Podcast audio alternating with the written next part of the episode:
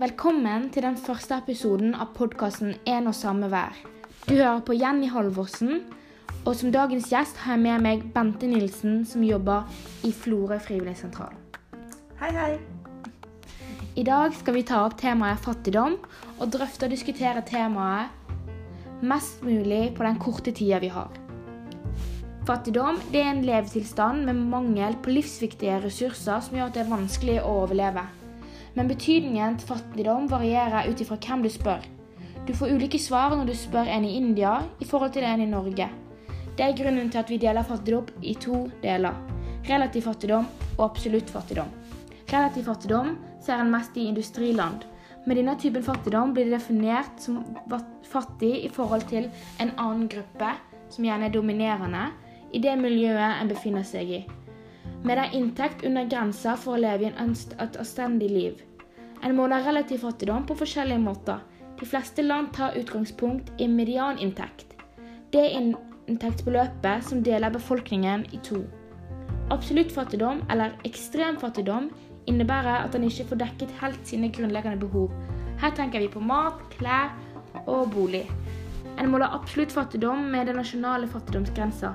Siden 2017 har grensa vært på 1,9 US dollar som om dagen. Dette her er 16 norske kroner, tall fra FNs tusenårsmål. Fattigdom begrenser menneskets mulighet til å leve verdige liv. En grunn til å bekjempe fattigdom. Omtrent 800 millioner mennesker lever i absolutt fattigdom. Selv om tallene har sunket drastisk de siste årene, med nesten 1 milliard mennesker, er det fremdeles rundt 8, 8 av verdens befolkning som lever i absolutt fattige tilstander. Fattigdom er resultatet av mange årsaker som sammensatt har gitt store økonomiske forskjeller.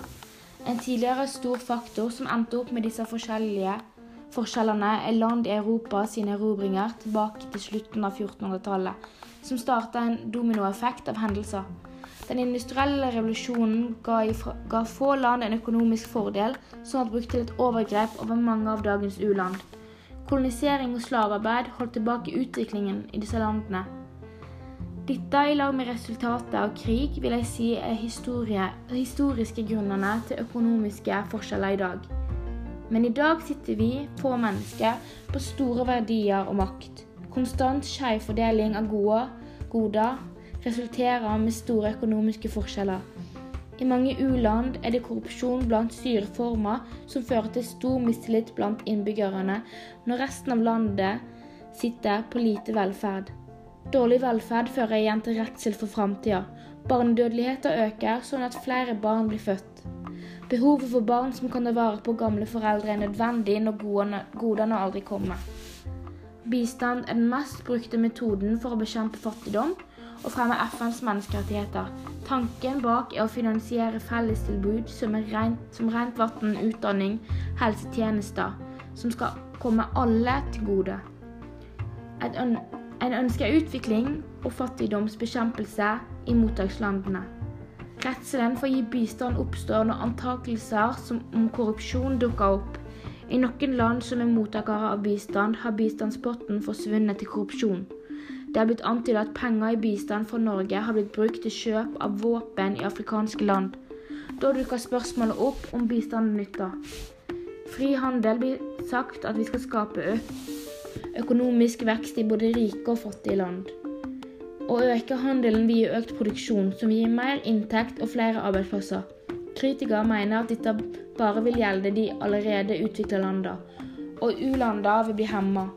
De vil ikke klare å holde oppe med teknologien, og dette vil resultere med industri innenfor eksempel kakaobønner og klær. Og landet vil forbli fattig. Vil da industrilandet hjelpe til det motsatte med å ha selskaper som investerer i de rike naturressursene til slike land, på en måte som ikke går til egen stor fordel? Eller må gi land som ligger etter teknologien og kunnskaper til å løfte landet? I Norge var vi heldige som hadde denne kunnskapen når Ole ble oppdaga, og politikere som forsto at vi måtte avslå internasjonale selskaper som ønsket rikdom. Relativt fatt eh, Norge sitt perspektiv på fattigdom vil minne om relativ fattigdom. I Norge defineres det å være fattig som at en har 60% eller mindre av medianinntekten i landet. Bente Nilsen, hva betyr det å være fattig i rike Norge? Det kan bety at man ikke har det som alle andre har, på en måte. Det er ca. litt over 100 000 barn i Norge som lever med den eh, fattigdomsgrensa.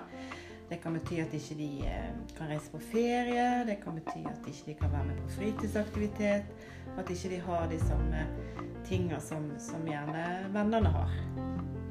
Ja, og hva vil du si vil være årsaken til dette?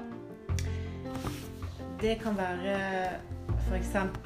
at man står utenfor arbeidslivet som foreldre, f.eks. For eksempel. man er gjerne ufør, har vært syk og da eh, er avhengig av å få eh, inntekt fra f.eks. staten. Og det er jo ganske små inntekter i forhold til det hvis man går i jobb. Det kan være flyktninger som kommer til Norge og som trenger å de må lære seg norsk, og de må prøve å få en jobb. Og hvis de får en jobb, så er det gjerne en ganske dårlig betalt jobb, for de har ikke den utdanninga som gjør at man får godt betalte jobber. Og da eh, er det også gjerne bare én som jobber. Så det er ja, en del sånne, sånne ting som gjør at de kan gå under den eh, fattigdomsgrensa, da. Ja, for da, da ser jeg for meg at jeg vil prøve å jamne ut disse forskjellene her. Og da, hva type arbeid gjør du i din jobb for å oppnå det målet? Sånn som i Florø, da, så har jo vi eh, tett kontakt med, med tjenesten i kommunen som, som, ser behov i befolkninga.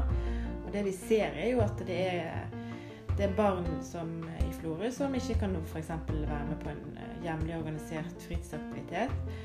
Eh, og eh, det som vi har gjennomført i Florø f.eks., er jo fritidserklæringen, som sier at alle barn og unge skal kunne få være med på en fritidsaktivitet. Og det har vi eh, skaffa midler til, sånn at vi har ca. 200 barn i Florø som, som, får midler, eller som får være med på fritidsaktivitet. Som da blir gratis for deg, men som vi da betaler for. Ja, mm. det er jo veldig fint. Fordi jeg tenker nå på at i nåtid så står vi over en skremmende fase der skolene blir stengt. Og da samfunnet eh, vil da miste masse av de sosiale møteplassene som blir stengt. Har vi noen av de i Florø?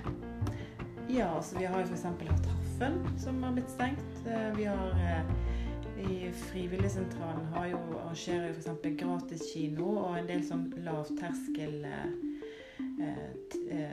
aktiviteter som er gratis. Og da eh, har man på en måte ikke den muligheten til å være sosial med andre, da.